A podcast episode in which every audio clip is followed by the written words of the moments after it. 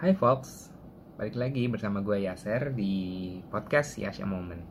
So, di podcast ini uh, gue ngobrol sama brother gue, brother from Mother Nature, namanya Nalom. Nalom ini punya bisnis di Airbnb Experience, ratingnya bintang 5 coy, namanya Getaway Camp Bali.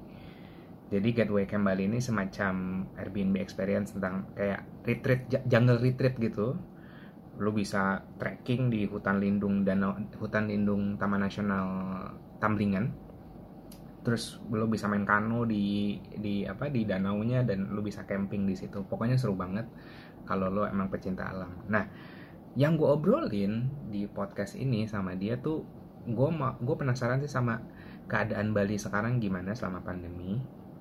Kan di situ kan pariwisata nih uh, ininya uh, nomor satunya Terus gue sedikit berdiskusi tentang kayak kerapuhan sistem modern saat ini dibandingkan sistem kuno yang lebih bersahabat dengan alam. Penasaran kan? Nanti coba dengerin. Terus nanti ada ngobrolin tentang kayak semacam ya konspirasi teori sedikit lah sama beberapa filosofi hidup. So, kalau kalian penasaran, stay tune di podcast episode kali ini bersama Yash A Moment. Cuman, okay. cuman Jadi cerita?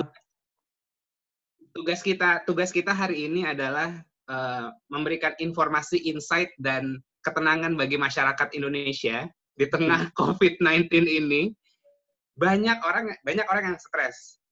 Hmm. Banyak banget orang yang apalagi lo uh, lo biasa lo tuh introvert apa ekstrovert sih jatuhnya?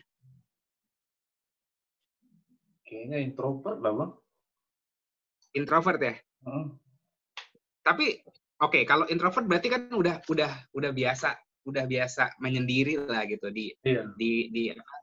Tapi gue sempat crack loh, gue gue sempat crack kayak dua minggu tiga minggu pertama tuh gue kayak seneng oke okay, mampus loh para ekstrovert dikurung di rumah gue bisa menikmati gue bisa menikmati apa uh, suasana kayak gini gitu tapi ada tiga hari terakhir tuh gue kayak mulai-mulai, waduh, gue kayaknya butuh ngobrol nih gitu yeah, kan. Yeah, yeah. Kayak gue butuh ngobrol, butuh bersosialisasi gitu. Yeah. Maksudnya ya, se-introvert-introvertnya kita perlu dibuang juga kan. Mm -hmm. Nah, kalau di Bali gimana di Bali keadaannya? Gimana bang ya? Kalau di sini sih uh, bisa dibilang kan kita kalau ngomong Bali kan ngomong pariwisata Ya.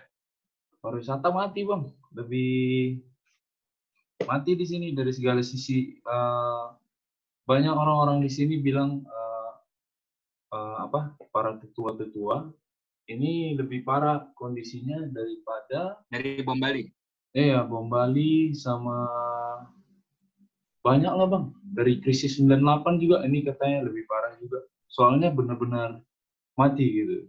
Jadi kalau kita bilang berapa persen masyarakat menjadi apa penggiat pariwisata, kita bisa bilang 80 persen lah, mulai dari mulai dari pemilik hotel, guest house, dari supply, supply makanan, belum lagi dari apa ya, dari transport. Jadi sepi lah di sini bang, sepi. Jadi kalau misalnya abang kan dulu kan ke sini kan, sering ke sini abang kan, dulu kan? Sering, sering. Nah, terus selama pandemi ini gimana? Nggak ada yang ngebuk sama sekali nih? Eh, uh, pas kira-kira kapan bang ya? pandemi ini bang ya? Bulan lalu bang ya? Iya, satu bulan.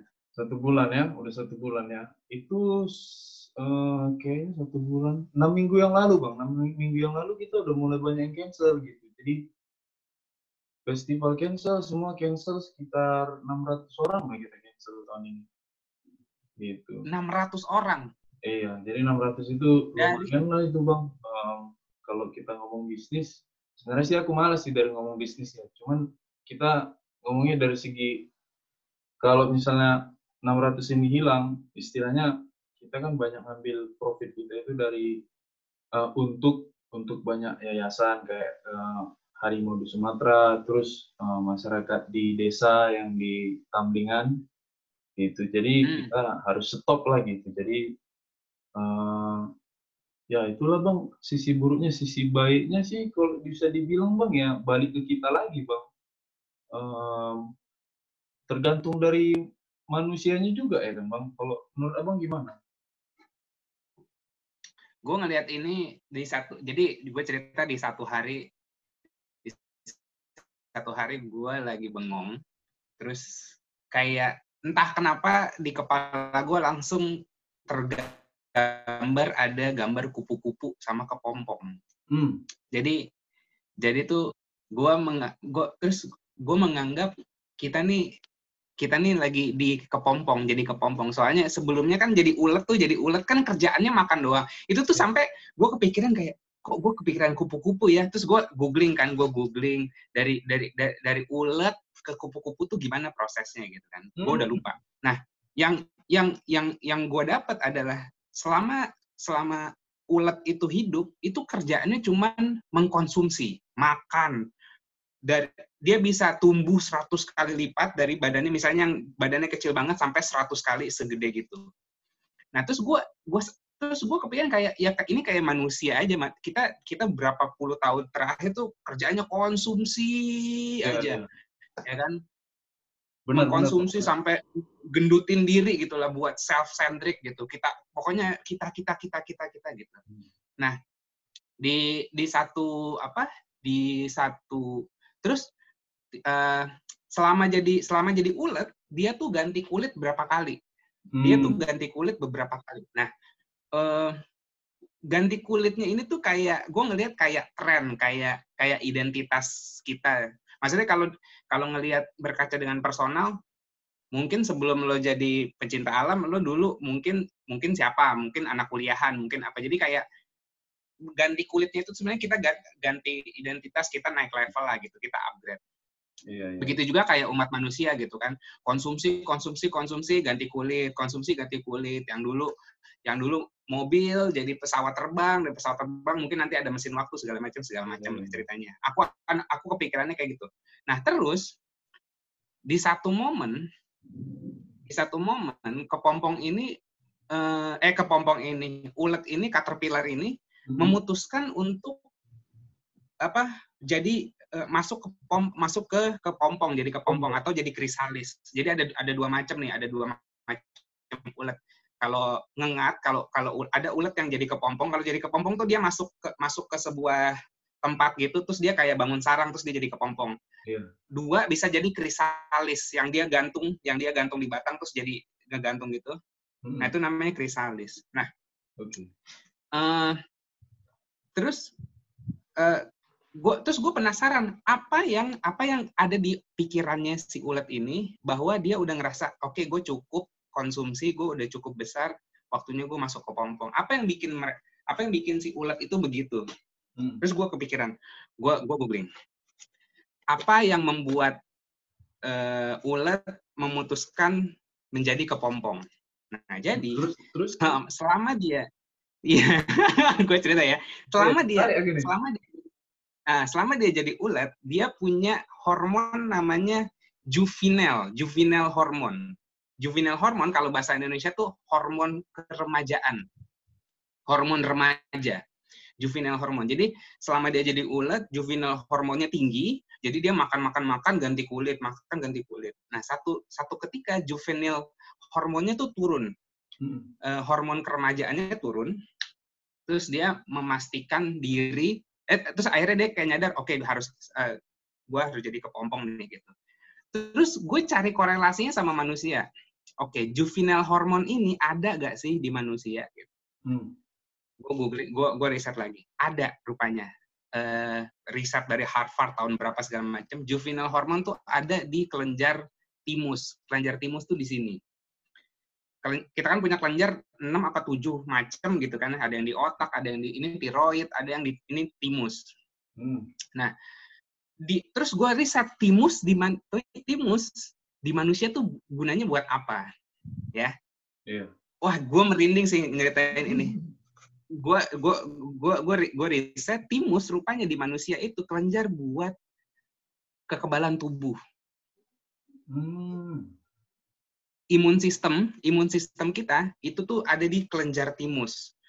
Jadi dari dari bayi kelenjar timusnya akan eh, bentuknya besar, makin kita tua kalau kita nggak sehat dia makin kayak shrinking gitu, hmm. shrinking. Mengecil dan gitu, itu ngebuat, uh, uh, dan dan dan itu membuat imun sistem kita turun. Terus gue terus gue kayak anjir nih gue dapat ilham dari mana nih? Gitu. Terus kayak anjir gitu. Terus maksudnya kayak lo lihat aja maksudnya kerjaan manusia sekarang kan kayak gini kalau kalau konsepnya kita kita adalah kita adalah universe. Yeah. Right? Gue sama pohon, sama sama binatang, sama batu, sama langit itu sama. Kita kita memahami lah. Maksudnya kita bukan kita bukan kita bukan manusia yang experience universe enggak.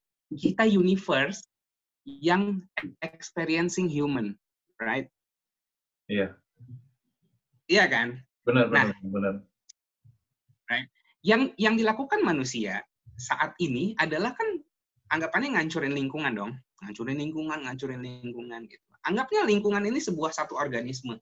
Kita sama, kita kita adalah bumi juga gitu. Kita satu organisme. Terus tapi organisme ini di dirusak, dirusak, dirusak, dirusak, dirusak. Otomatis sistem keba kekebalan tubuhnya dia, anggapannya nih orga, si hmm. organisme ini menurun dong, kesehatannya jelek dong. Iya. Right? turun, kesehatannya jelek, muncullah penyakit.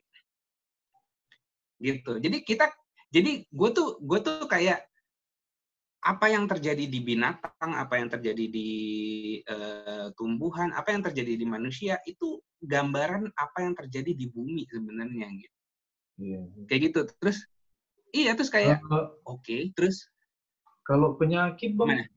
iya aku sih setuju sih bang. Menarik juga sih kayak abang bilang ya sistem imunitas menurun penyakit datang. Karena ya kita uh, semakin mengecil dia kan. Tapi uh, uh, tapi gini bang kira-kira kalau menurut abang gitu ya penyakit ini um, penyakit ini apa sih sebenarnya gitu? Apakah ini hanya datang karena sistem kekebalan kita men-shrinking atau ada pihak-pihak lain yang ingin istilahnya kan tadi kita bilang semesta kan gitu ya mbak? Iya. Universe ya? Iya. Nah jadi ya. uh, kita bilang lah sistem sistem kekebalan um, semesta ini sudah sangat sangat menurun karena kita kan sering uh, over consumption gitu. Tapi um, dan dan muncullah beberapa penyakit gitu tapi kalau menurut menurut abang nih ya uh, aku hmm. tertarik nih menurut abang apakah semua penyakit itu datangnya dari karena sistem kekebalan semesta ini menurun atau karena uh, humannya sendiri yang ada di semesta itu yeah. keluar dari jalur keluar dari jalur jalur yang sehat gitu. Jadi kan uh, kalau kita bilang istilahnya bang aku juga ini kan bilang udah bosan kan udah hampir udah lebih dari sebulan kan ini kapan nah. nih kenapa ini corona kan terakhir baca-baca kan baca dari nah. sini dari sana dari media-media yang tidak tidak uh, mainstream lah ya kan nah yeah. ternyata dapat sedikit um, sedikit info info personal dari uh, si Jering dari Superman is Dead. Yeah. Karena aku sering follow, hmm. follow dia tuh bang. Nah, jadi dia dia di situ uh, dia bilang sih kalau ini sebenarnya virus dari dulu lah bang ya, nggak usah bilang corona lah ya, dari sejak uh, flu Spanyol lah ya, tahun berapa? Hmm. 70-an atau 1918. 1918 ya? Oh, okay. Iya. Nah, itu juga um, ada campur tangan manusia dari situ gitu. Jadi um, menurut abang gimana gitu? Nah, ini kan ini ini maksud maksud uh, tadi uh, argumennya adalah kayak ini memang ini memang kejadi, uh, kejadian yang natural atau yeah. yang artifisial. Iya, nah, itu. Gitu kan? Yeah. Nah, argumen tadi, statement gue tadi adalah seakan-akan ini adalah natural. Sementara uh, background informasi yang lo punya adalah ini itu kerjaan manusia-manusia juga. right? Hmm. 5G, coronavirus segala macam. Uh, by the way, ya masuk konspirasi teori atau segala macam. Dan gue ngikutin sih, gue cukup ngikutin si David Icke. Bukan, gue nggak ngikutin dari dulu, tapi maksudnya gue tahu isu-isu yang apa Freemason, bla bla bla bla bla. Tapi kayak I don't give a shit. Tapi ada satu ada satu video di London Real podcaster gitu uh, kayak Joe Rogan tapi versi Inggrisnya lah gitu namanya London Real nge-interview David Icke terus nggak lama uh, dia di banned lah gitu videonya diturunin apa segala macam terus gue menarik gue ngikutin London Real udah mungkin setahun atau dua tahun hmm. tapi kok baru ini doang nih yang ada di yang dia di ban videonya terus gue terus gue riset riset kenapa oh gara-gara si David Icke ini ceritanya ngebuka tentang 5G dan coronavirus dan konspirasi-konspirasi lainnya.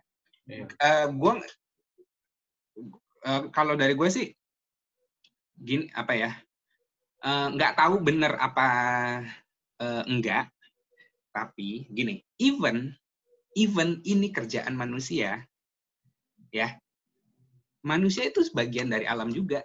Anggapannya gini uh, anggapannya gini aku aku selalu aku selalu bayangin manusia itu kayak sel darah sih. Maksudnya gini, hmm. karena sering di jalan ya, karena sering di jalan, aku ngeliat tuh kayak sungai, kayak jalanan, tol apa segala macam tuh kayak nadi-nadi gitu loh, kayak nadi hmm. manusia gitu. Dan kita berjalan dan kita berjalan di sungai, di apa di apa di jalanan itu adalah kita sebagai sel darah lah, kayak sel darah gitu. Nah kalau bayangin bumi itu sebagai satu organisme, bayanginlah bumi juga manusia gitu ya. Ya dia di, mereka adalah virusnya itu sendiri gitu.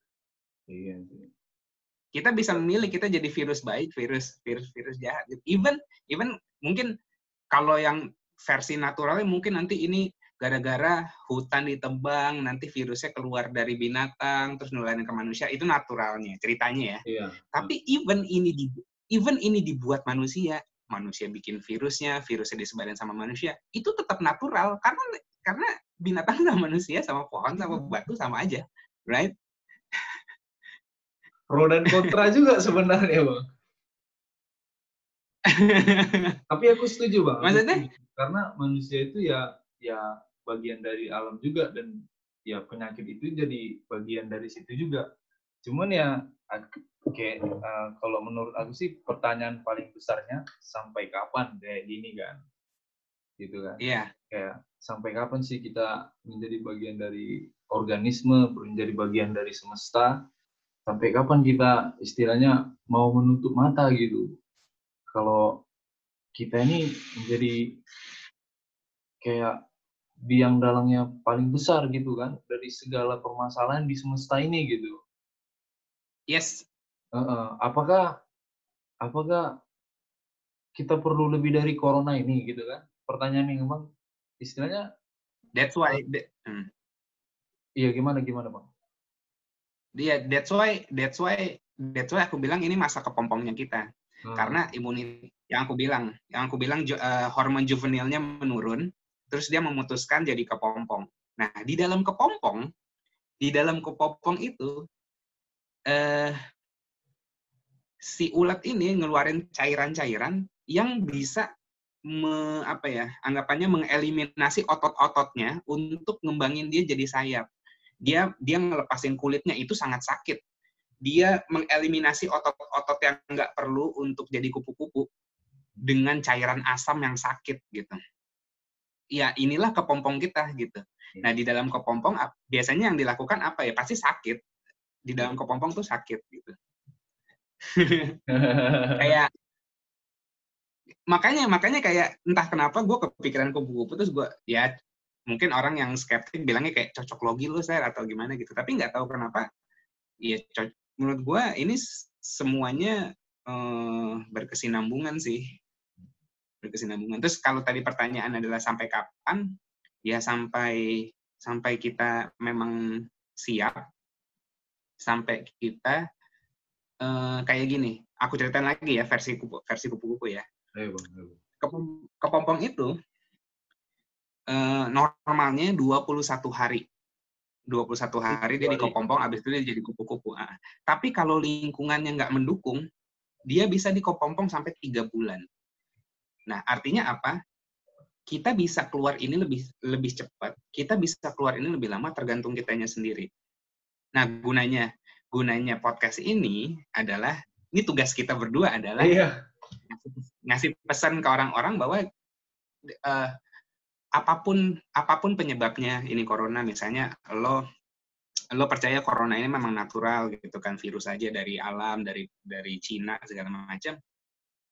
Ataupun memang buatan manusia konspirasi teori apa segala macam uh, apa yang harus dilakukan adalah satu yang pasti nggak nggak boleh takut. Nggak boleh takut nggak boleh stres. Karena uh, kelenjar timus di sini yang yang yang apa? Yang yang yang nentuin kuat apa enggaknya kita. uh, apa? Imun kita. Hmm. itu dia kalahnya sama hormon kortisol. Hormon kortisol itu hormon stres. Sekalinya hmm. lo stres yang kena tuh kelenjar timus loh kelenjar timus dan dia langsung dan dia langsung kayak di dalam di dalam kelenjar timus ada namanya T cell dan T cell-nya ini akan jadi lemah dan menyerang T cell-nya akan jadi lemah dan menyerang tubuhnya sendiri. Berarti bang, yang akhirnya semakin semakin sering kita stres, semakin sering kita mengkhawatirkan dan semakin sering kita istilahnya mengkonsumsi informasi-informasi yang negatif berarti semakin semakin Sem kita bakal, lain bakal makin lama iya. Bakal makin lama makin lama kayak gini eh, selama kita stres selama kita takut kita makin lama makin bakal makin lama dan berarti, dan gue dan apa Iya, berarti secara nggak langsung ini ini mantul ini sebenarnya. Secara nggak langsung ini abang bilang ini sebenarnya sebagai ujian juga bagi kita ya kan? Yes. Iya kan? Iya. Uh, berarti istilahnya ujian, kalau misalnya ujian entah itu formalitas atau non formal, kalau kita selesai menghadapi ujiannya kan nanti uh, hasilnya itu kan tergantung dari apa yang kita lakukan selama ujian kan? Berarti iya, antara ya, kalau abang bilang antara kalau bisa kita mengkontrol diri uh, dari um, selama pandemi ini istilahnya kalau kita bisa mengkontrol diri uh, dalam mengendalikan emosi dan pikiran berarti kita istilahnya menang ya yes. kan Yes. Iya. Karena yang paling yang Mantap paling tuh. berbahaya dari yang paling berbahaya dari pandemi ini bukan penyakitnya. Hmm. Tapi tapi tekanan mentalnya yang paling bahaya. Iya, itu iya itu benar kali bang, tekanan mental. Iya. Tekanan mentalnya parah, bikin orang stres, ekonominya ambruk segala macam. Karena karena uh, aslinya corona ini ya flu. Kalau uh, ini aku dapat sumber dari Dr. Bruce Lipton. Dr. Bruce Lipton itu uh, profesor uh, apa uh, um, sel dia dia dia dia peneliti sel tubuh manusia gitu. Hmm. dia punya buku banyak pintar udah terpercaya lah. Namanya dokter Bruce Lipton dokter Bruce Lipton. Nah dia bilang tuh sebenarnya corona ini kayak flu biasa. Kalau kalau lo hitung statistiknya di seluruh dunia yeah itu nggak beda jauh dari kalau di kalau di western kan dia kayak flu itu ada musiman kan kayak ada musim lagi musim flu nih kalau hmm. di kita kan di Asia kayak bodoh amat gitu kan yeah, yeah, yeah. apa segala macam nggak ada musim-musimnya tapi kalau di sana kan kayak ini tuh kayak ya udah ini kayak musim flu biasa gitu tapi entah kenapa memang diamplifikasi diamplifikasi entah sama media atau sama pihak-pihak tertentu atau sama dan banyak juga orang yang nggak tahu latar belakangnya tapi memang diamplifikasi sama dia gitu yeah. Iya. karena dia nggak tahu gitu dan gue juga gue juga nggak tahu gitu nah akhirnya ya jadi jadi jadi jadi heboh gitu dan dan ditunggangi beberapa kepentingan jadi selama selama apa ya, ya nggak ya gue sih ngomong ini based on apa yang gue pelajarin maksudnya gue nggak mungkin membuktikan ini kayak oke okay, gue uh, oke okay, ayo kita keluar semua jangan stres terus rupanya lu lu lu nggak bakal ketularan. Nggak gitu juga nggak gitu iya, juga. iya. Iya iya. Sebenarnya terus ya, uh, ya gimana? Iya kalau uh, kalau bisa dibilang aku sih aku sih ada baca sih itu bang. Tapi aku dari dari istilahnya sumber yang lain. Um, kalau nggak salah istilahnya kayak ada kayak chart virus itu bang kayak pohon kan paling atas itu namanya apa gitu jadi corona ini corona ini COVID-19 ini salah satu dari anak-anak virusnya lah gitu. Uh, yeah. Kepanikannya itu kan bang gini, kepanikannya itu yang paling pertama datang dari dari dua sebenarnya bang. Pertama dari penggiat kesehatan, yang kedua dari media. Yang penggiat kesehatan maksudnya itu kenapa uh, kepanikan datang dari mereka? Karena um, kita kayak kayak bilang lah bang kayak kita kayak di zona yang sangat nyaman dan tiba-tiba kayak ada virus baru keluar dan yang paling pertama kita tanya gimana sih orang kesehatan istilahnya dari dokter dari rumah sakit mereka ready nggak nah ternyata nggak ready kan jadi panik gitu nah hmm. kepanikannya inilah tiba-tiba datang ke media. Nah dari media pergilah ke masyarakat. Nah uh, yang sebenarnya kalau kita semua stay calm kita semua mengikuti istilahnya saran saran-saran dari uh, pemerintah dari uh, penggiat kesehatan sebenarnya gini dari tiga minggu lalu mungkin udah selesai nih gitu kan. Iya mm. nah, cuman yeah, yeah, yeah. iya cuman karena kita di zona nyaman ini iya, kayak kayak Portland itu ya zona nyaman nih iya. Zona nyaman ya tiba-tiba kayak ada yang nampar dari belakangnya tepam gitu. Woi panik lah. Gitu. Mm. jadi uh, uh, kait uh, aku kaitkan lagi dengan yang abang bilang itu um, kalau kita bilang sampai kapan sih kita mau panik ini yang nggak ada habisnya ya kan bang ya kita ya nggak usah panik yes, gitu tergantung nyantai aja gitu hmm. kan karena kayak hmm. yang abang bilang gitu kepanikan stres itu bahkan nyerang mental kamu nyerang iya. sistem yeah. imunitas kamu ya yang seharusnya kamu nggak nggak harus gitu kan bang ya nyantai aja. Yes. Uh -uh. Tapi tapi memang tapi memang cukup challenging karena sistem begini. Uh, fast my, my, majority sebagian sebagian besar mayoritas um, sistem hidupnya sistem dia menjalani hidup itu tuh rapuh bayangin misalnya ya kamu di Bali hmm. punya gubuk satu punya gubuk satu kamar satu kamar mandi deh itu aja cukup. Tapi kamu di di di depan di belakang sekeliling rumah itu kebun buat makan. Oke? Okay? mau ada virus mau ada apa ekonomi hancur apa segala macam hidup gak hidup bang. Iya kan?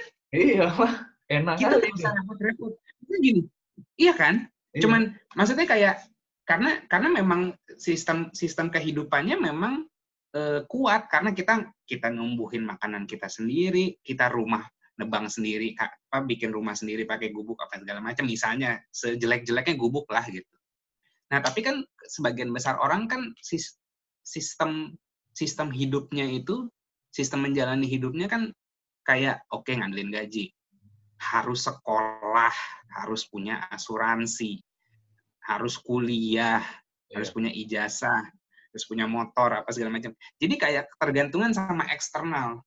Nah, yeah. di saat di saat ada something yang ngerusak eksternalnya itu, mereka kalang kabut. Terus gue harus gimana gitu. Jadi kayak sistem hidupnya sendiri itu juga uh, rapuh menurut gue bayangin ya balik lagi bayangin kalau kayak petani gitu petani di kampung bodoh amat virus bro iya. dia tetap hidup nyangkul nyangkul makan tinggal makan kita kan makan harus dari gaji Iya kan? Nah, dari gaji berarti gaji dari perusahaan, perusahaan dari bisnis, bisnis dari mana? Bisnis dari consumer, consumer dari mana? Gitu. Kan muter gitu sistemnya sistem ekonominya menurut ya itu sih goblok-goblokan gue aja ya mikirnya makanya orang banyak panik dan challenging karena ya mereka ketergantungan sama eksternal gitu hmm. orang-orang orang-orang daerah mungkin yang dari Jawa yang dari Sumatera yang dari Kalimantan ngelihat Jakarta nih kayak oke okay, gue bisa kaya maksudnya kayak benchmark sukses dia dalam hidup ya banyak uang kaya apa segala macam gitu Masa? bukan bukan hidup itu sendiri. Iya ya. Kenapa? Aku iya nanya, iya dong. masa eh, gitu? bukan iya dong sih maksudnya. Enggak, ya uh... kalau dirimu kalau dirimu nggak kalau dirimu nggak kepikiran ya bagus. Kalau dirimu nggak kepikiran ya bagus. Iya. kayak ini sih hasil hasil justifikasi kan maksudnya kayak kalau zaman dulu kayaknya ngerantau ke Jakarta tuh kayak oke okay, kita mengadu nasib apa segala macam segala macam ya kan materialism lah gitu. Iya bang. Istilahnya uh, balik balik. orang-orang istilahnya mengikut apa yang apa yang orang-orang sekitar inginkan gitu ya kan. Gampang terpengaruh gitu ya. Jadinya semua iya, based ya, money and job gitu ya. Sebenarnya kalau ya karena sih. Iya. Kan kita dulu camping bareng kan bang? Kan kita ke ke desa Tamlingan kan yang di gunung itu kan? Iya nah itu kan menarik tuh bang. Jadi pas corona ini datang seminggu setelah kan uh, aku telepon lah Pak Komang kan. Ah. Nah jadi telepon telepon Pak Komang kan itu di desa kan kebanyakan sana petani kan. Makan yang kita makan itu kan dari dari kebun. Iya. jadi iseng iya. uh, seminggu pertama aku nelfon Pak kita semua cancel kan. Jadi aku bilang gitu oke okay, Nalom aman kan? Ya semoga cepat berlalu nah. terakhir minggu lalu aku telepon lagi. Pak gimana keadaan di sana? Gitu kan? Um, ya sepi. Uh, Bapak gimana? Ketawa deh. Bang gitu. Jadi ketawa kayak ah. nanti aja gitu. Uh, ah. aku kan istilahnya sebagai uh, uh, bocah yang tumbuh di kota kan dulu kan dan kan jadi mikir juga gimana sih makannya berasnya gitu. Jadi dia bilang ya aman aja soalnya kita kan hidup di di tengah alam gitu jadi semua orang berkebun apa-apa nyari ke hutan nyari sayur gitu. Jadi jadi dari dulu pertama aku launching camping ini sih bang sih lihat juga gitu kayak kayak yang abang bilang sistemnya mereka itu ada juga gitu dengan sistem sama kayak uh, masyarakat secara umum gitu kan ada dua sistem hmm. berarti kan satu sistem yang yang atasnya ini um, modern modern nah modern dan yang satu lagi ya kita bisa bilang um, old school gitu kan kuno ah. nah jadi kenapa sih ke uh, kok misalnya pandemik kayak gini datang gitu. Kenapa yang sistem yang modern itu bisa kalah gitu? Iya, iya. Kan terdengarnya seharusnya modern ini seharusnya yang lebih kuat gitu. Kenapa orang-orang di desa, iya. di desa uh, mentalitasnya itu lebih sehat sekarang? Kalau kita bisa interview sekarang nih bang satu-satu orang di desa di mana pun bilang uh, di Indonesia, uh, kita mungkin bisa pinjamin 90% mereka itu mentalnya itu lebih sehat gitu. Iya. Nah, permasalahan paling besar bang, kenapa ini nggak dibicarakan orang? Pertanyaannya. Gitu. Dibicarakan kenapa? apa? Apa yang apa yang? Kenapa ini topiknya nggak diangkat gitu? Kalau misalnya topiknya ini diangkat daripada bahwa ini, bahwa orang kampung orang kampung itu nggak nggak terdampak sama ketakutan pandemi ini. Iya, benar bang. Kalau kita bilang ya. ekonomi, mereka juga terkena dampak bang. Karena sayur-sayurnya juga kan ya, ya. lainnya ke hotel, apalagi di Bali. Atau uh, bilanglah kita uh, uh, hanya sayur aja lah uh, uh, beras lagi. Kan ekonomi mereka kedampak juga gitu. Kenapa? Tapi kenapa mereka yeah. mentalitasnya lebih sehat gitu? Itu karena uh, karena apa gitu? Jadi aku penasaran aku gini bang. Kalau misalnya bilanglah tiga setelah tiga minggu masa-masa kritis pandemik ini kan ada nih misalnya satu media atau satu orang ternama lah gitu. Dia ngangkat ini gitu kan. Dia ngangkat ini dan dia kasih ke publik gitu sebarin. Pasti kita nggak um, sepanik sekarang gitu ya ya ya karena gini satu kena pertanyaannya berarti kan kayak kenapa kenapa ini nggak dibahas? Kenapa satu apakah orang nggak kepikiran karena ya udah media kan orang kota semua gitu. Yeah. Dua dua apakah ini nggak cukup valuable, nggak cukup bernilai beritanya, nggak nggak bakal bikin viral. Iya. Tiga, yang paling ekstrim adalah mereka nggak mau uh, menginfluence orang untuk pakai sistem kuno lagi. Misalnya, misalnya di, misalnya dikasih tahu kayak, oh di kampung, di kampung lu tanam tanam tanah sendiri apa segala macem, orang nih nggak ada dampaknya nih, hidup-hidup aja gitu kan. Ini ekstrimnya ya, iya. ekstrimnya ya dia nggak mau, dia nggak mau orang-orang kota ini pindah ke kampung dan nggak menjadi konsumen lagi karena hmm. modern modern sistem ini it's all about consumerism, konsumerisme, ya kan? Oke okay, oke okay, bang. Dan even even dikasih tahu nih, even misalnya siapa, misalnya Mata Najwa datang ke kampung mana gitu kan, hmm. terus ngebahas nih tentang sistem modern sama sistem kuno gitu. Even dikasih tahu kayak gitu pun bakal apa ya impactnya juga sedikit sekali karena karena itu kan perubahan habit yang ekstrim. Iya tiba-tiba iya kan? Kecuali iya. ini kecuali ini diberitain lima tahun 10 tahun secara reguler hmm. sampai akhirnya orang juga ngeh gitu. Ini kan ini kan dibangun udah berapa puluh tahun gitu. Orang nggak iya, bisa ngeganti kebiasaannya dalam sekali pandemi diberitain satu kali sampai sepuluh kali tetap aja orang nggak ngeh. Itu butuh butuh perubahan mindset butuh perubahan culture. Wah itu sistem harus hancur yang ini iya. tapi kan nggak nggak nggak mungkin gitu. Iya maksudnya um, kalau kita kalau kita bilang bang um, aku sih setuju bang itu sistem pasti hancur uh, dan um, nggak semua orang ready untuk itu kan. Cuman uh, kalau kita bilang alternatif, nah alternatif kan ini kan hmm. istilahnya jalan paling tengah, paling di tengah-tengah gitu.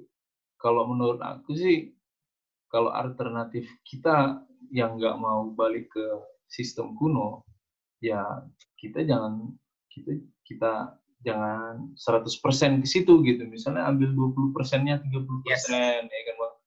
Biar hidup yes. ini balance gitu. Jadi um, ya, ya. maksud aku itu bang ini pasti ini pasti akan terjadi lagi bang iya iya dan kita itu um, harus ready cara kita ready itu bukan dari kita harus kerja banyak terus nabung jadi nanti pandemi kita bisa hidup di rumah nggak mikirin uang bukan gitu cara kita ready itu uh, kita itu belajar untuk menurunkan um, apa volume konsum konsumerisme kita gitu.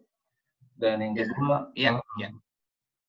kembali ke kalau kata kita di sini bang, autentik. Nah, yes, grounding, autentik. Iya, gitu. Tapi lo bayangin, lo bayangin, kalau kalau kalau ide lo ini berjalan ceritanya nih. Maksudnya yeah. kayak pandangan pandangan lo nih berjalan. Gue gue cuman mau gue cuman mau bermain dengan perspektif di sini ya. Lo bayangin apa yang lo uh, pikirkan secara ideal tadi kayak media ngasih tahu alternatif, orang berubah pikirannya. Oh, Oke, okay, kita balik ke kampung. Oke, okay. sekarang lo bayangin taruhlah satu juta orang Jakarta. Eh hmm. orang Jakarta berapa puluh juta sih? Taruhlah gara-gara ini satu satu sampai lima juta orang Jakarta akhirnya balik ke Bali misalnya gitu. Aku ke hmm. Bali aja gitu. Dia balik ke kampung masih dengan attitude Jakarta. Mampus ya. Iya bang. Apalagi apakah apakah apakah orang kampung mau eh, rela untuk satu pasti ada gesekan, hmm. gesekan dari lifestyle, behavior apa segala macam. Dua, mereka harus nerimo untuk ngajarin bahwa ini culture culture kita, lo harus ikutin biar lo bertahan. Ya kan ini ini ini perspektif aja gitu ada yeah, ada orang ada orang yang kayak ya udahlah di Jakarta yang modern mati mati aja lo nggak usah ke sini right? Ada yang bilang, ada ada yang berpikiran gitu. Ada juga yang kayak, ya daripada ngikutin itu, mendingan lu ke sini deh gitu. Hmm. Ikutin kita gitu, grounding segala macam segala macam. Ya, tapi yeah, yeah. ya pasti ada plus minusnya gitu. Lu lu apa hampir anggapannya 80% orang 70% masuk taruhlah misalnya uh, Indonesia ini 70% masih nggak pakai sistem ginian, sistem modern ini kan. Tiba-tiba dia harus sistemnya hancur ke sistem yang kuno. Hmm. Itu harus diedukasi berpuluh-puluh tahun dan itu jadi tanggung jawab kalian orang kampung. Satu itu jadi tanggung Iya, kalau kalau kalian nggak bertanggung jawab atas itu, sama aja nanti alam kalian, sources kalian dirusak juga, dijadiin kota-kota iya. berikutnya. Iya sih bang. Um, sebenarnya gini bang, um, um, itu mantap sih opini ya bang. Cuman maksud maksud aku kalau kita bilang misalnya 5 juta, 5 juta orang Jakarta misalnya pindah ke desa gitu. Dan hmm. apakah um, misalnya mereka bawa attitude orang Jakarta, misalnya attitude orang kota hmm. gitu. Yang istilahnya um, 180 380 derajat lah sama attitude orang desa kan. Kalau yeah. dari pengalaman aku bang ya, pengalaman ada perbedaan attitude orang desa sama orang kota. Kalau misalnya 5 juta orang kota masuk ke desa, itu kalau aku bilang sih nggak apa-apa bang. Itu bakal hmm. bakal bukan menjadi masalah pertama. Masalah menjadi bakal menjadi masalah ini um, apakah nanti um, dari segi bisnis sih bang itu jadi masalah pertamanya itu resikonya gitu bang. Resiko orang-orang kota ini akan menjadikan uh, desa ini di, menjadi bisnis lagi gitu. Iya iya makanya aku bilang tadi kayak bisa jadi orang-orang orang orang kota hmm. ke desa tapi tapi masyarakat desanya nggak bertanggung jawab yang ada nanti desa ini akan dijadikan kota-kota berikutnya Oh, oh gitu. Wah, kalau Iya kan? itu sih, um, itu kembali ke ke kepalanya lah, Bang. Kayak Pak Komang itu kan mhm, tergantung kepala lah, Bang. Karena bagusnya orang di desa ini kan dia sistemnya masih kekeluargaan. Jadi istilahnya hmm. semua masyarakat itu akan mendengar satu orang Nah, hmm. itu kembali ke satu orang ini lagi, Bang. Istilahnya kita bilang kepala desa gitu. Kalau kepala desa hierarki ya, hierarki ya. Iya, hierarki gitu. Jadi kalau misalnya okay. dia benar-benar sehat, ya nggak peduli mau orang Amerika atau orang kota atau orang apa yang berjuta-juta. Pokoknya orang yang punya dana gitu, yang punya attitude jelek gitu, itu nggak masalah bang. Yang uh, karena udah kuat desanya gitu. Tapi uh, ah, ya kita ngomong secara general nih bang ya. Kalau kita bilang orang semua balik ke ke desa itu mungkin mendekati mustahil kan. Yang bisa kita hmm. gantikan istilahnya bagaimana bagaimana cara mengaplikasikan um, sistem sistem desa ini ke sistem kota. Sedikit aja gitu, bukan bukan yang artinya lu punya teknologi, lu semua harus jual gitu. Terus um, istilahnya mobil dijual atau baju-baju uh, yang mahal jual enggak istilahnya um, apa sih yang uh, yang bagus di desa itu di sistem itu kita aplikasikan ke orang-orang kota? Misalnya yang pertama dari hal kecil nih bang. Misalnya uh, berkebun. Nah hidroponik. Yeah. nah itu kan istilahnya kalau kita uh, dekat dengan alam atau walaupun kita ini bang kita kayak kita tangan kita ini kita nyentuh tanah atau pupuk itu energinya ada itu bang masuk ke dalam tubuh itu bakal merilekskan kita. Pas kita camping itu kan kita cerita itu bang. Iya. Nah, sama itu sama kayak grounding, sekarang. Grounding. Ah iya, kayak sekarang itu ada terapi orang meluk pohon. Iya. Nah itu sama dia apanya bang, uh, istilahnya gitu. Jadi um, kalau misalnya kita sekarang bisa uh, mengaplikasikan sedikit aja kayak kebiasaan orang desa ke kehidupan kita sehari-hari, uh, kita ya bakal lebih aman gitu. Kita nggak bakalan sesetres hmm. ini. Gitu. Mau tahu nggak negara yang yang yang kau yang kamu impi-impikan itu ada tau? Apa itu bang? Negara mana? Negara-negara Skandinavia, Iceland, Swedia. Hmm. Kalau di lihat aja dia alamnya bagus, teknologinya juga bagus. Iya. Karena seimbang. Kalau di Asia apa Jepang sama Korea. Sekarang lihat aja Korea walaupun dia ke ke, ke apa yang sempat sempat parah banget, hmm. tapi dia cepat kan penanganannya. Gitu. Iya, iya. Jepang, Jepang itu di Jepang itu harus setiap kota, setiap distrik. Kalau di sana kan distrik-distrik ya. Anggapannya distrik Kuta, distrik Canggu, distrik Seminyak misalnya kayak gitu-gitu.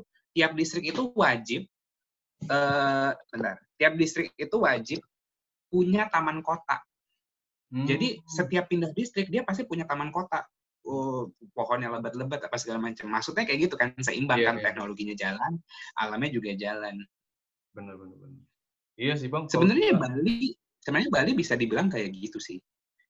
Uh, Tapi oh. karena memang bisnis yang berjalan adalah bisnis pariwisata, nah yang kan kena dampaknya pariwisata gitu. Tapi kalau kalau dan gimana ya, timpang gitu, nggak nggak kayak anggapannya kayak air sama minyak, culture sama bisnisnya tuh nggak masuk.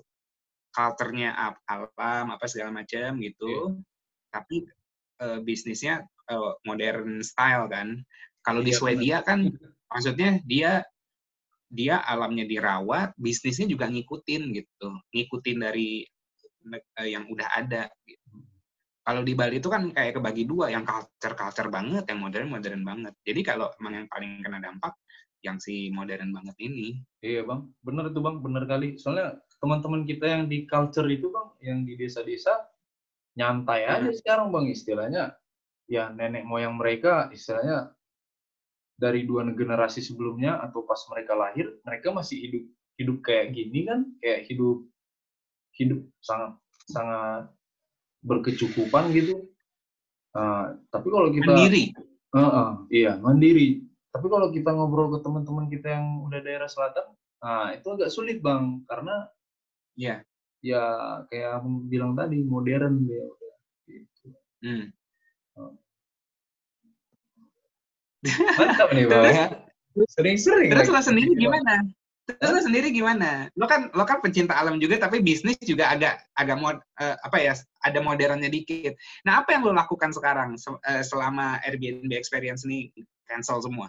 Nah, jadi pas bercinta semua... aja kerjanya ya, bercinta aja ya. Iya. Jangan gua dikeluarin rahasianya. Iya loh bang, cinta lah bang. Kalau tidak ada cinta di zaman zaman pandemik ini bang, dunia ini hancur lah bang. Cinta lah apanya. Oh iya benar. Siap siap. Iya kan bang ya? Entah benar, cinta benar. sama pacar, entah cinta sama gitar, sama hewan peliharaan. Cinta itu kayak bisa dibilang. Bercinta, tadi gue bilang bercinta. Oh bercinta ya, berarti ini spesifik ya. Iya. Tapi harus harus kalian kalian yang dengar ini kalau memang punya partner atau apa pun itu bercintalah secepatnya. Selama pandemik ini kuatkan koneksi kamu ke orang-orang terdekat yang kamu cintai. Itu ya, itu sangat benar, sangat benar kali bang. Uh, istilahnya apa yang nggak dilakuin orang pas mereka lagi sibuk-sibuk bang ya, entah hobi, entah menulis, entah dengar podcast, hmm. atau misalnya melukis, masak, hmm. kerjain aja semua gitu kan. Nanti pas pandemi lu sibuk lagi, terus uh, ya semoga ya kawan-kawan kita paham kalau misalnya, ih pas pandemi itu aku kayak lebih merawat diri sendiri loh, kayaknya bagus hmm. ninggalin yang uh, kehidupan di luar gitu, yang hmm. terlalu konsumtif gitu kan. Nah dirimu sendiri gimana? Ada ada ada pivot pivot bisnis gak? Maksudnya aku hmm. beberapa ada aku ada beberapa kali baca kalau di kalau di luar di barat iya, bang. ada satu klub striptis klub striptis kan yeah. selama pandemi ini nggak nggak laku. Hmm. Nah dia dia dia uh, pivot bisnis dia ganti ganti arah bisnis dia jadi food delivery. Nah tapi food ah. deliverynya topless. Oh. Jadi dia oh. pakai bikini, topless bawain makanan gitu itu kan itu kan apa ya keren lah dari dari bisnis menjual, ya, jadi food delivery iya tetap gitu nah yeah. dari lo sendiri ada kepikiran nggak buat kayak ganti gitu. arah atau enggak gitu juga. Aku mau kayak gitu bang. arah atau... abang abang kebalik lah berdua kita ya kan. Mana tahu nanti ada tante. Bercanda bercanda bercanda. abis ini abis ini nanti kita ngobrol aku ada aku ada rencana okay. bisnis bagus. Enggak uh, kalau dari aku sih bang um, kita uh, kemarin baru daftar di fundraising kan.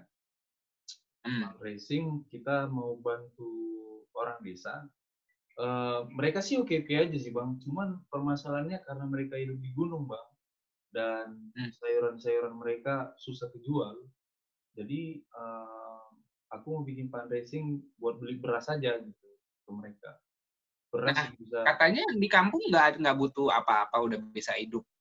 Tapi iya, kenapa kalau, harus kalau di pegunungan di kan kalau di di Tamblingan kan bang di sana nggak ada sawah Hmm. Nah, dan kebanyakan kan sayur-sayur mereka kan suplainya itu ke selatan. Jadi itu hmm. kemarin nanya sih sekitar 70% itu produksi mereka nggak kejual gitu yang seharusnya beli beras nggak kejual tapi masih bisa dimanfaatin sendiri masih jadi ya manfaatin sendirinya yang mereka jual murah gitu kan hmm. Kan hmm. sebenarnya makanan pokok kita kan beras bang.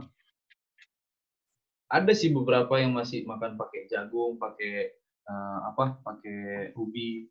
Cuman kita mau bikin fundraising nanti per keluarga kita kasih beras gitu. Itu hmm. aja sih.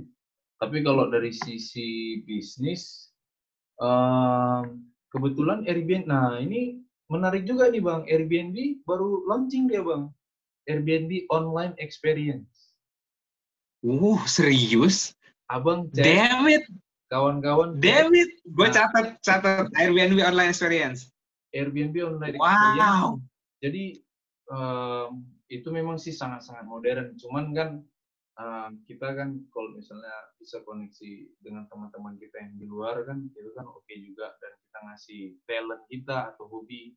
Jadi misalnya mau masak atau ngajarin orang main gitar atau ngomong puisi atau uh, mau bikin kelas ini kelas itu dan dibayar bagus banget iya dibayarnya jadi uangnya kan bisa pakai buat uh, kebutuhan sehari-hari kita kenapa enggak jadi ya daripada kita kalau kata orang Bali ngoyong di rumah, kenapa Dapat uangnya dari mana? Jadi yang mau nonton, yang mau nonton bayar?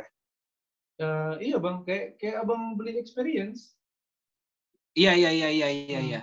Itu per berarti per ini kayak misalnya kalau uh, belajar masak misalnya gitu, beli nah, buat satu orang, masak. nanti dia live gitu belajar masak gitu. Iya live-nya live-nya di zoom juga bang. Oh. Nanti misalnya oh. abang buka, abang buka lima kursi kan lima orang. Jadi lima orang nanti kan, ya. uh, entah laptopnya. Eh, kau juga kan. bisa nggak? Kau juga bisa. Uh. Ada ada pembatasan mobilitas nggak di sana? Maksudnya gini, bikin online experience dan tamlingan. Kamu pakai GoPro atau pakai handphone live, ya kan? Iya. Iya kan? Terus ya udah, ini uh, apa? Ini uh, trackingnya begini, ininya begini, camping, iya. gitu Aku sih bang nggak nggak Taman Nasional sih ditutup bang, nggak boleh masuk bang. Oh gitu. Iya, nggak ada. Kalau kita ke nature walaupun di Bali bang ya orang desa lah yang bisa. Cuman uh, kalau aku sih masih di Ubud bang, udah dari pertama awal pandemi ini. Cuman uh, kalau ide, abang kan banyak ide, kerjain aja bang. Nah, di sana di Bali nih sekarang, uh uh, mobilitasnya gimana? Maksudnya kayak uh, kayak misalnya Taman Nasional ditutup, terus yang lain-lain juga ditutup gitu. Semua ditutup, Bang. Pantai-pantai ditutup, danau ditutup. Kalau persawahan persawahan yang masuk UNESCO kayak Jatiluwi, Tegalalang itu ditutup semua. Kalau persawahan pribadi masih bisa. Terus semua perusahaan-perusahaan rafting, snorkeling, semua ditutup. Jadi uh, akses ke alam ada, cuman yang bukan alam yang um, komersil. Komersil, ya kayak pantai Brawa atau kayak di Uluwatu. Brawa tutup, aduh, favorit iya. gue itu. Terus pantai yang buka apa aja? pantai Kuta Kuta ditutup uh, pantai-pantai yang itu loh bang yang kecil-kecil yang misalnya ada akses uh, gang kayak gang tangga ke bawah padang-padang gitu berarti nggak ditutup Padang-Padang ditutup, tapi oh, oh komersial juga ya? Iya, kadang bisa ke sana. Cuman yang ditutup itu bang karena kita mau menghindari orang yang sunbathing sama yang surfing gitu. Kenapa emang? Uh, istilahnya kan eh, nggak uh, boleh nggak boleh gitu istilahnya menarik istilahnya itu kan kayak aktivitas yang menarik minat orang keluar lagi gitu Oh. Nah, jadi kalau misalnya surfing, bilanglah orang surfing, ya misalnya, bro kan surfing kan aktivitas di alam kan mereka nggak apa, ya oke okay lah. Cuman kalau misalnya dari lima orang jadi 80 orang yang surfing, nanti kan mereka oh, gitu. itu. Kalau di Jakarta gimana? Kalau Jakarta satu di beberapa tempat udah sepi di beberapa tempat yang tempat-tempat komersil perkantoran masih ramai. Hmm. Ini mah masih lama kita pada pada ini pada nggak tahu nggak tahu gimana tapi feelingku masih lama sih sampai habis lebaran aku rasa habis lebaran baru beres nih. Oke, terus orang-orang ya kan? yang mudik bang, orang-orang yang mudik di Jakarta gimana? Nah ini menarik nih selama selama bulan puasa dan lebaran apa yang terjadi kalau pandemi kayak gini? Apakah orang bakal pulang atau tetap di rumah? Ini bakal jadi menurut menurutku sih sebenarnya bukan bukan gimana jadi aduh jadi nggak bisa pulang jadi ya ini experience dari di hidup lo sekali sekalinya ya udah nikmatin aja gitu. Iya itu ya, paling itu itu bagus sekali bang. Kalau istilah semua orang uh, mengekspresikan kayak abang itu kayaknya nggak jadi topik yang terlalu besar lah kayak ya dari ya dinikmatin aja ya kan iya kayak ya nanti lo misalnya udah udah kayak kakek terus ada cucu lo terus kayak yuk waktu itu tuh kakek waktu pandemi ya gitu kan bercinta aja sama nenek ya. sebulan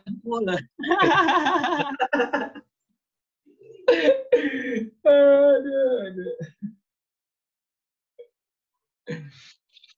terus terus bang um, kalau uh, bantuan dari pemerintah di sana gimana bang? Atau dari RT lah gimana? Aku aku sebenarnya aku sebenarnya nggak in touch dan nggak nggak nggak terpapar informasi itu. Aku aku uh, aku sengaja mengurangi konsumsi informasi tentang corona ini. Aku nikmatin konten-konten yang lain.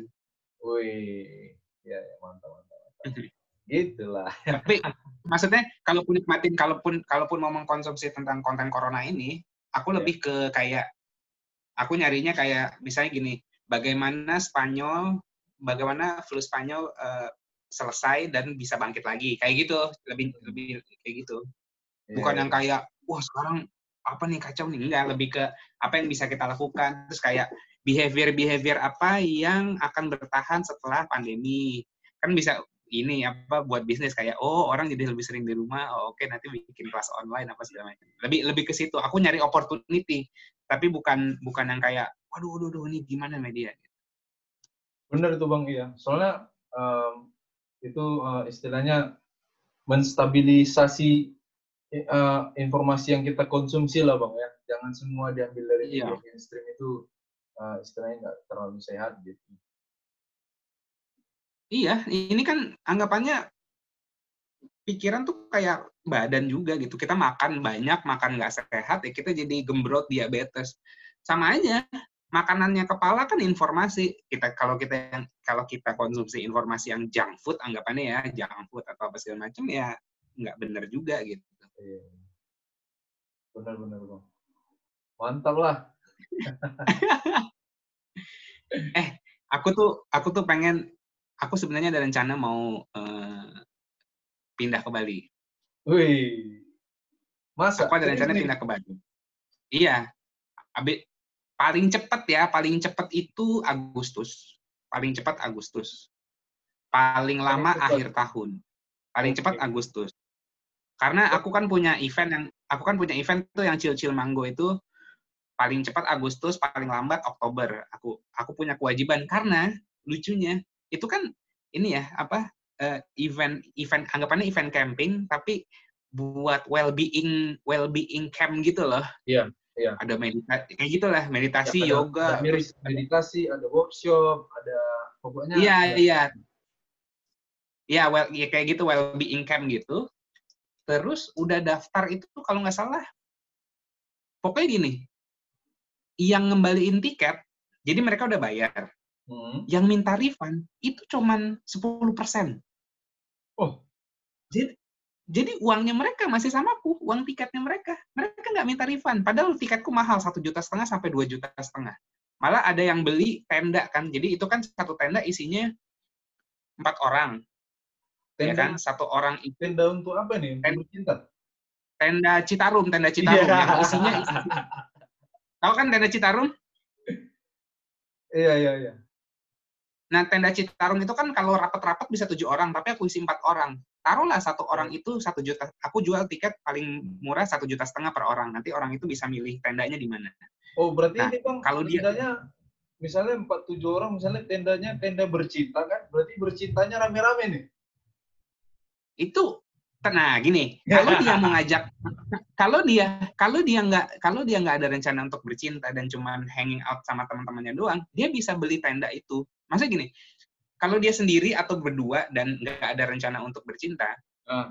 ya dia bisa gabung sama orang. Dalam satu tenda itu ada empat orang. Tapi kalau misalnya dia mau private, dia langsung beli tenda. Jadi kalau mis satu tenda isinya kan empat orang, satu yeah. orang paling murah satu juta. Nah kali empat tenda enam juta. Nah tenda itu aku jual lima juta. Nah hmm. itu ada yang beli, itu ada yang beli lima juta buat dua hari dan nggak mau dibalik nggak dan nggak minta refund. Iya. Yeah yang jadi anggapannya lah ini orang emang udah maksudnya ya aku terima kasih sekali berarti orang percaya sama aku untuk nitipin uangnya. Dan mereka berharap Chill Mango tetap jadi walaupun kan ada beberapa event yang dipospon karena force major gini ya udah habis itu di refund semua udah habis itu hilang ya kan? Tapi ini ada harapan dari mereka untuk gue nggak minta refund jadiin event lo iya iya nah berarti berarti mereka jadi aku masih, bang. Iya iya Bagus iya, itu bang. Iya, makanya. Lebih nah, bagusnya itu bang, berarti uh, istilahnya um, para membership nanti yang datang itu orang-orang yang open minded bang itu lebih loyal. Iya. Iya makanya aku aku sangat-sangat bersyukur aku punya tanggung jawab. Jadi selesai pandemi ini aku jadiin dulu satu event. Habis itu aku akan mempertimbangkan pindah ke Bali. Nah, hmm. panjang sih ceritanya. Tapi long story short, ya. uh, aku kan udah nggak kerja dari Oktober tahun lalu, ya kan? Iya, iya. Terus mau bikin event apa segala macam. Nah, uh, ya aku udah aku udah kayaknya udah susah sih masuk korporat lagi dan aku mau mau mau apa uh, mandiri lah secara ya. finansial iya. tanpa harus ke korporat. Aku mau pindah ke Bali, mau bikin channel. Nah, aku mau bikin channel sama kamu. Oh, channel apa ini? Nah, kayak gini nih. Tadi kan aku nyeritain kan, kayak filosofi dari alam filosofi dari sebuah uh, dari caterpillar dari ulat jadi kepompong dan jadi kupu-kupu gitu kan. Jadi kayak nge-translate apa yang diajarin alam apa yang bisa kita ekstrak dari situ dan kita dan kita apa ya aplikasikan ke dalam hidup kita sendiri. Nah aku mau tuh kita jalan-jalan ke hutan tapi memang udah riset dulu misalnya sama guide apa segala macam terus ya udah kita kita storytelling di situ misalnya pohon ini kenapa. Jadi kayak aku aku menggabungkan uh, konten travel, konten alam hmm. sama filosofi. Nah, dari situ aku, oh, aku bungkus oh. menjadi uh, aku aku bungkus menjadi sebuah cerita.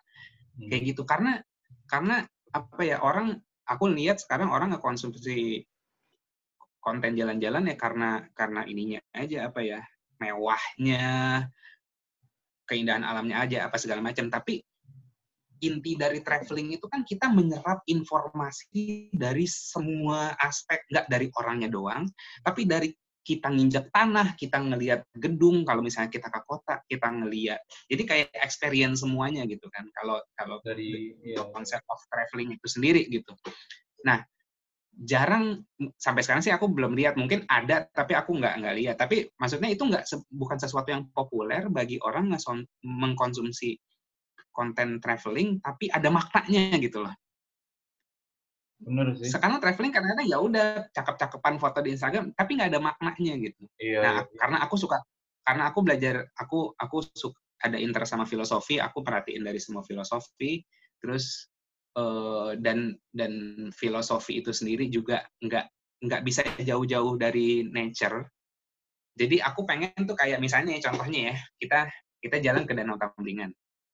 Gitu kan. Atau kita iya. camping di Danau Tamblingan. Ya udah kita storytelling di situ. Misalnya dari masyarakat desanya atau dari sebuah pohon atau apa segala macam. Aku mau tapi memang bukan sekedar yang kayak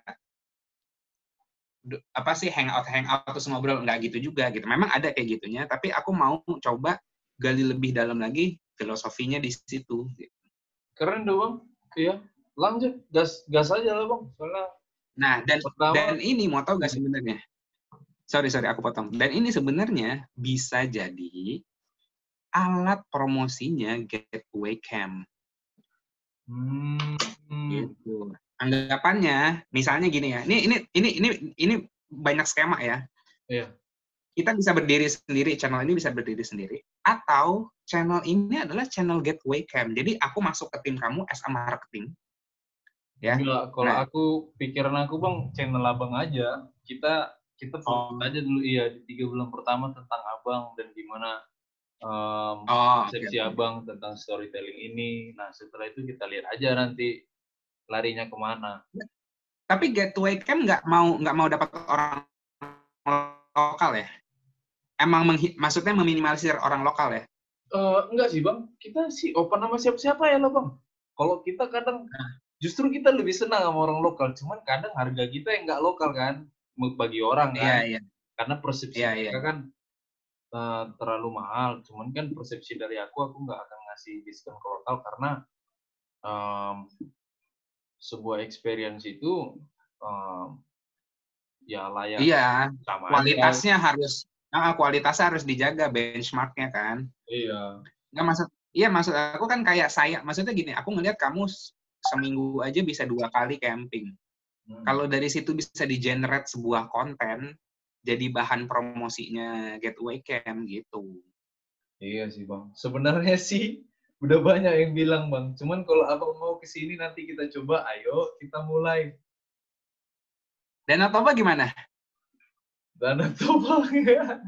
Bagus, Dana Toba bagus bang. Cuman enggak enggak enggak yang kemarin lo ke Medan. Oh, yang sama pacar itu? Ah. Ah, gimana gimana bang? Itu riset kan? Apa nggak boleh diobrolin di sini? Oh, yang riset itu iya loh bang. Cuman uh, itu kan rencana tahun depan. Oh, masih tahun depan. Iya. Tahun ini sebenarnya kita istilahnya udah pengen menerima teman-teman dari berbagai negara, cuman gara-gara pandemi ini kan. Tapi yang Danau Toba hmm. semoga tahun depan berjalan lah bang. Soalnya video kita udah ready. Hmm. Gitu, video udah ready. Uh, kalau dari dari kostumen, customer, customer uh, gampang itu kan. Kalau aku launching aja di Airbnb, itu palingan dua, bu dua bulan itu dapat 15 orang. Soalnya kita kan mau jual tripnya ini kan trip 13 hari gitu. Hmm. Uh, kalau misalnya wow, udah, trip 13 hari kan. Iya, 13 hari. Iya loh bang, 13 hari kita explore semua itu bang. Karena semakin kita kalau misalnya semakin semakin nanti ke depan bang, kita akan banyak menemui orang-orang yang Instagram travelers itu banyak, tapi yang conscious uh -huh. travelers itu lebih banyak. Itu yeah. bakalan meledak gitu uh, angkanya, bang, yang conscious traveler. Jadi kayak kayak workshop kayak abang atau misalnya dia kayak tur-tur desa itu bakalan bakalan gila-gilaan bang, karena orang sekarang itu uh, pada dasarnya sudah banyak yang pengen keluar dari zona nyaman dari sistem sudah banyak yang pengen tidak menikmati apa yang ada di negara mereka gitu. Hmm. Nah, jadi um, kayak, nah itu berkaitan juga itu kayak konten-konten yang uh, lebih kances, yang storytelling, itu bakalan hmm. lebih lebih banyak diminati gitu daripada konten-konten Instagram misalnya pakai bikini terus di pinggir apa di pinggir kolam renang kokonat gitu itu paling itu tiga tiga tahun lagi udah hilang itu bang. Iya. Iya, karena um, tapi Gimana gimana bang? Selama konsumerisme itu hidup, hmm. pasti masih bertahan kayak konten-konten yang materialism, yang fana, sih, yang fana. iya. Berarti kalau misalnya gue ke Bali pun nggak kondusif ya? Maksudnya sekarang-sekarang ini ya? Kalau sekarang janganlah bang, sama aja nanti abang stay at home juga. Ah, iya. oke, okay, oke. Okay. Iya bang, ke pantai aja nggak bisa, cuman kita nggak bisa protes juga kan. Um, hmm. Cuman ngerti juga aku lah bang, kenapa semua TWA TWA sama tempat wisata alam gitu sama pantai-pantai ditutup gitu. Soalnya banyak lebih banyak bang orang orang yang bandel gitu. Jadi mereka. Iya iya iya. iya. Gitu. Nice, nice. Terus ngapain aja, diem aja? Berarti bercinta doang ya? Enggak bang, aku banyak apa sekarang? Eh, baca-baca buku bang. Oh, baca-baca buku. Iya, baca buku, masak. Masak lah sekarang bang, paling sering aku bang. Cuman kalau abang, abang ada minat nggak Airbnb itu, yang online experience? Iya, yang online. Iya ya kalau aku di Bali dan dan mobilitasnya nggak terbatas sih nggak apa-apa. Oh. Maksudnya aku aku gini, aku tuh punya aku tuh lagi mencoba mengasah minatku di filosofi. Okay. Menjadi sebuah value yang bisa dinikmatin orang. Tapi aku lagi cari eh, kendaraannya apa entah entah itu traveling, entah itu edukasi, entah itu apa gitu. Kayak uh, aku mencoba membawa filosofi ini. Maksudnya kayak menurutku aku nyaman sekali sama pola pikir aku dan aku rasa ini akan sangat bermanfaat bagi orang banyak gitu. Hmm. Tapi aku bingung kayak kendaraannya apa ya gitu, ngevlog kah? Atau bikin konten apakah atau apa gitu? Kayak aku belum aku belum dapat resep yang pas untuk mendistribusikan apa isi kepalaku gitu. Makanya kalau misalnya entah entah misalnya nih, ini goblok-goblokannya misalnya bikin online experience one by one sama gue gitu, terus ngobrolin filosofi misalnya gitu. Hmm. kalau bisa emang kalau emang misalnya bisa begitu, gue senang banget gitu. Online experience, uh, filosofi, uh, fil, apa filosofi talk misalnya kayak gitu, misalnya kayak gitu. Yeah, yeah, Tapi ya mungkin apa uh, masih cetek lah ilmu gue tapi misalnya gue udah jago terus bikin kayak gitu nah who knows lah gitu. Makanya uh, yang terdekat yang menurut gue paling paling doable buat disandingkan dengan si filosofi ini adalah konten traveling. Maksudnya traveling traveling hmm. yang kayak conscious traveling gitu. Iya iya kayak ngelihat sih. kayak ngelihat hidup di di tempat lain gitu ya. Terus kita iya Iya, aku mau mencoba kayak mengekstrak eh, pesan dari non manusia. Hmm. Gitu. Mengekstrak pesan dari non manusia. Kalau dari manusia, dari culture, dari culture desanya apa segala macam, ya oke okay, gitu kan. Mungkin udah banyak yang kayak gitu. Tapi aku mau coba nge-ekstrak informasi itu dari bukan manusia, entah dari pohon, entah dari cacing, entah dari kupu-kupu, entah dari apa pun itu gitu. Iya, keren kali itu bang. Itu benar-benar di luar jalur itu. Benar-benar. Iya, soalnya nggak ada yang gitu kan. Kayak aku ini tadi dengar yang kupu-kupu itu, anjay ini abang ini dari mana yang nyari ini? Benar, bisa ini ya. Tapi benar juga gitu. Yang paling hmm. kayak nampar aku, kok benar juga. Kita kayak di kepompong sekarang ya kan. Ini tergantung uh. iya. Iya, kita lagi di dalam kepompong. Kita lagi jadi krisalis. Yeah.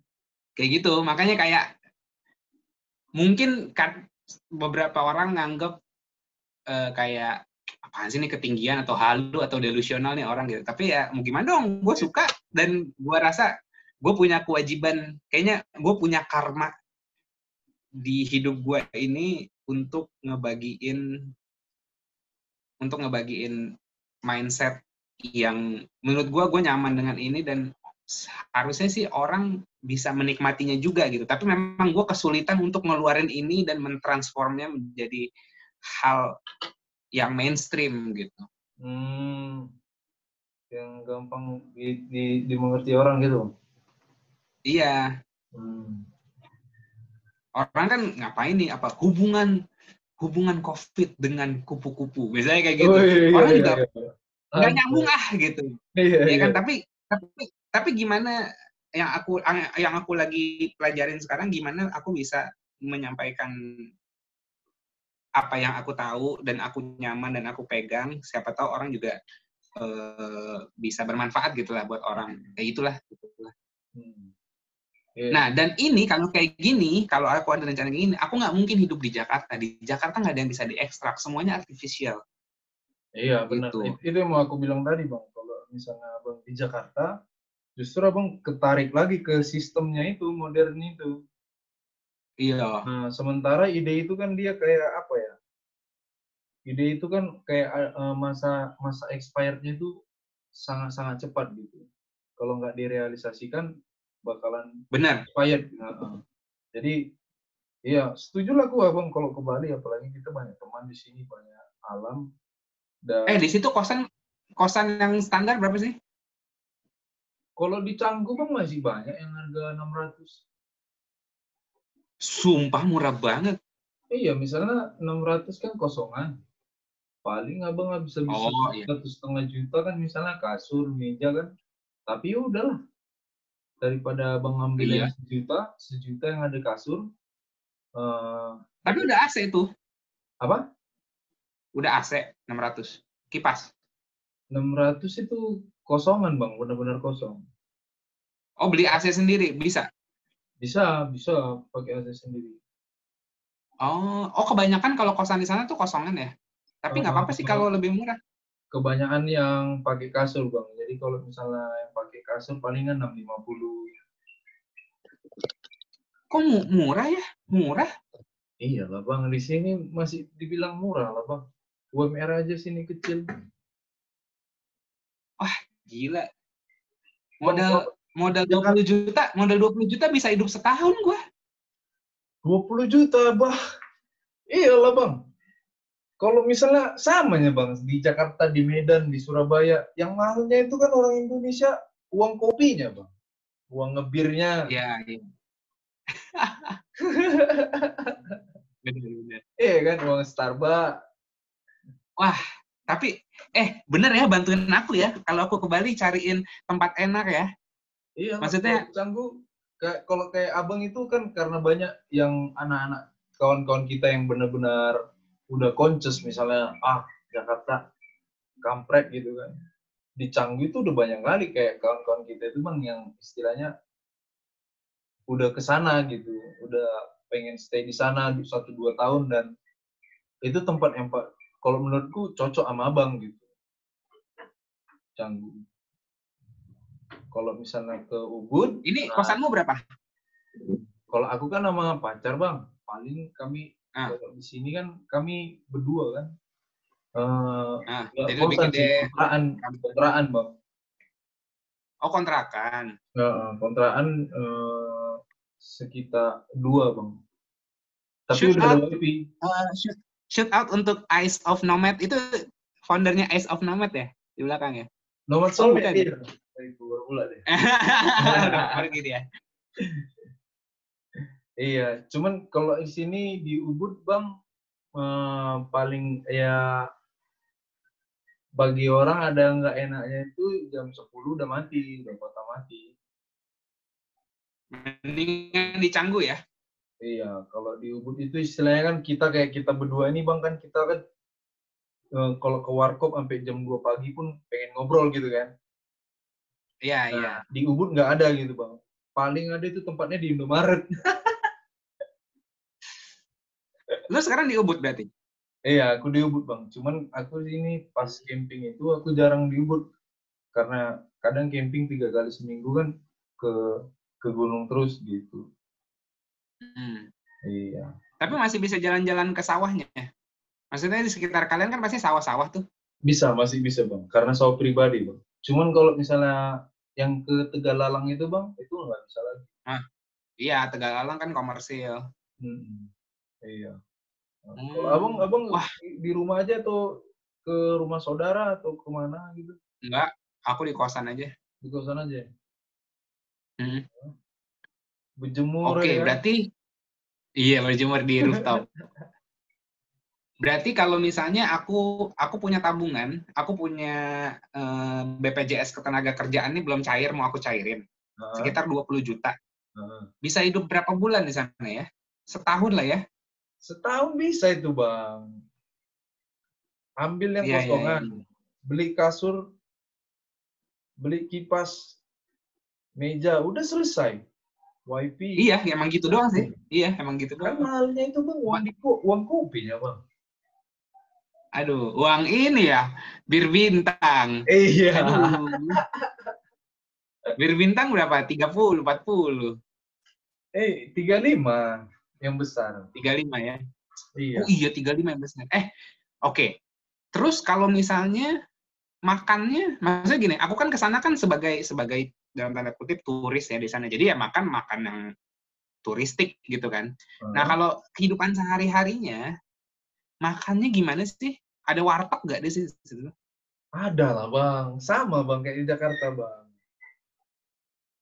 Gitu ya? Di mana-mana bang, apalagi di Canggu lebih banyak kalau di um...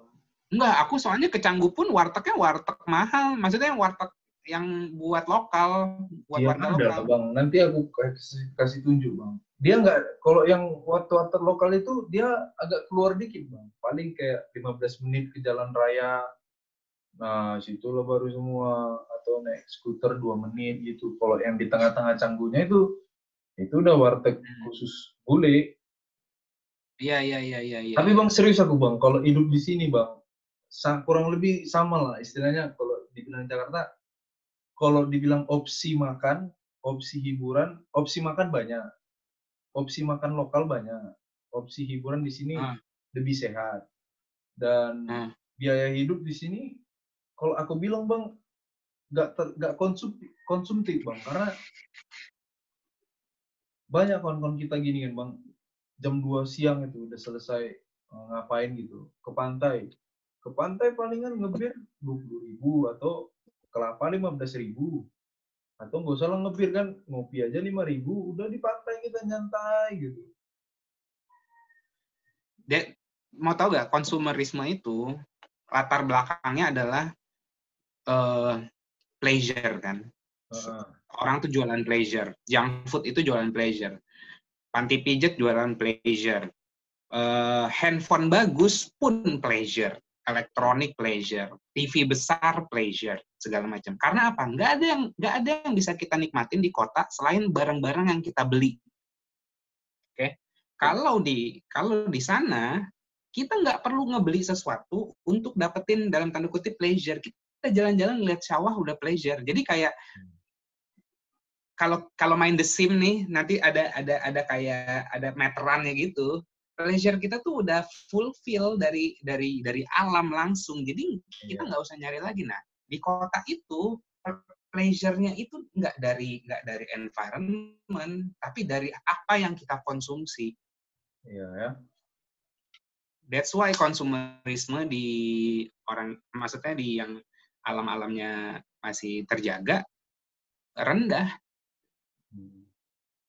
Eh, cepatlah bang ke sini bang, biar kita kerjain proyeknya. pengen banget.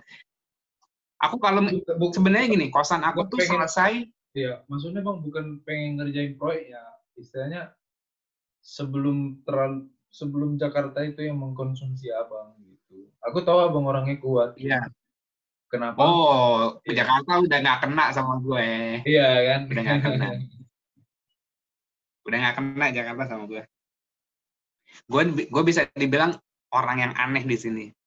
Masa? Iya. Gue tuh orang aneh di Jakarta. Gue kayak alien.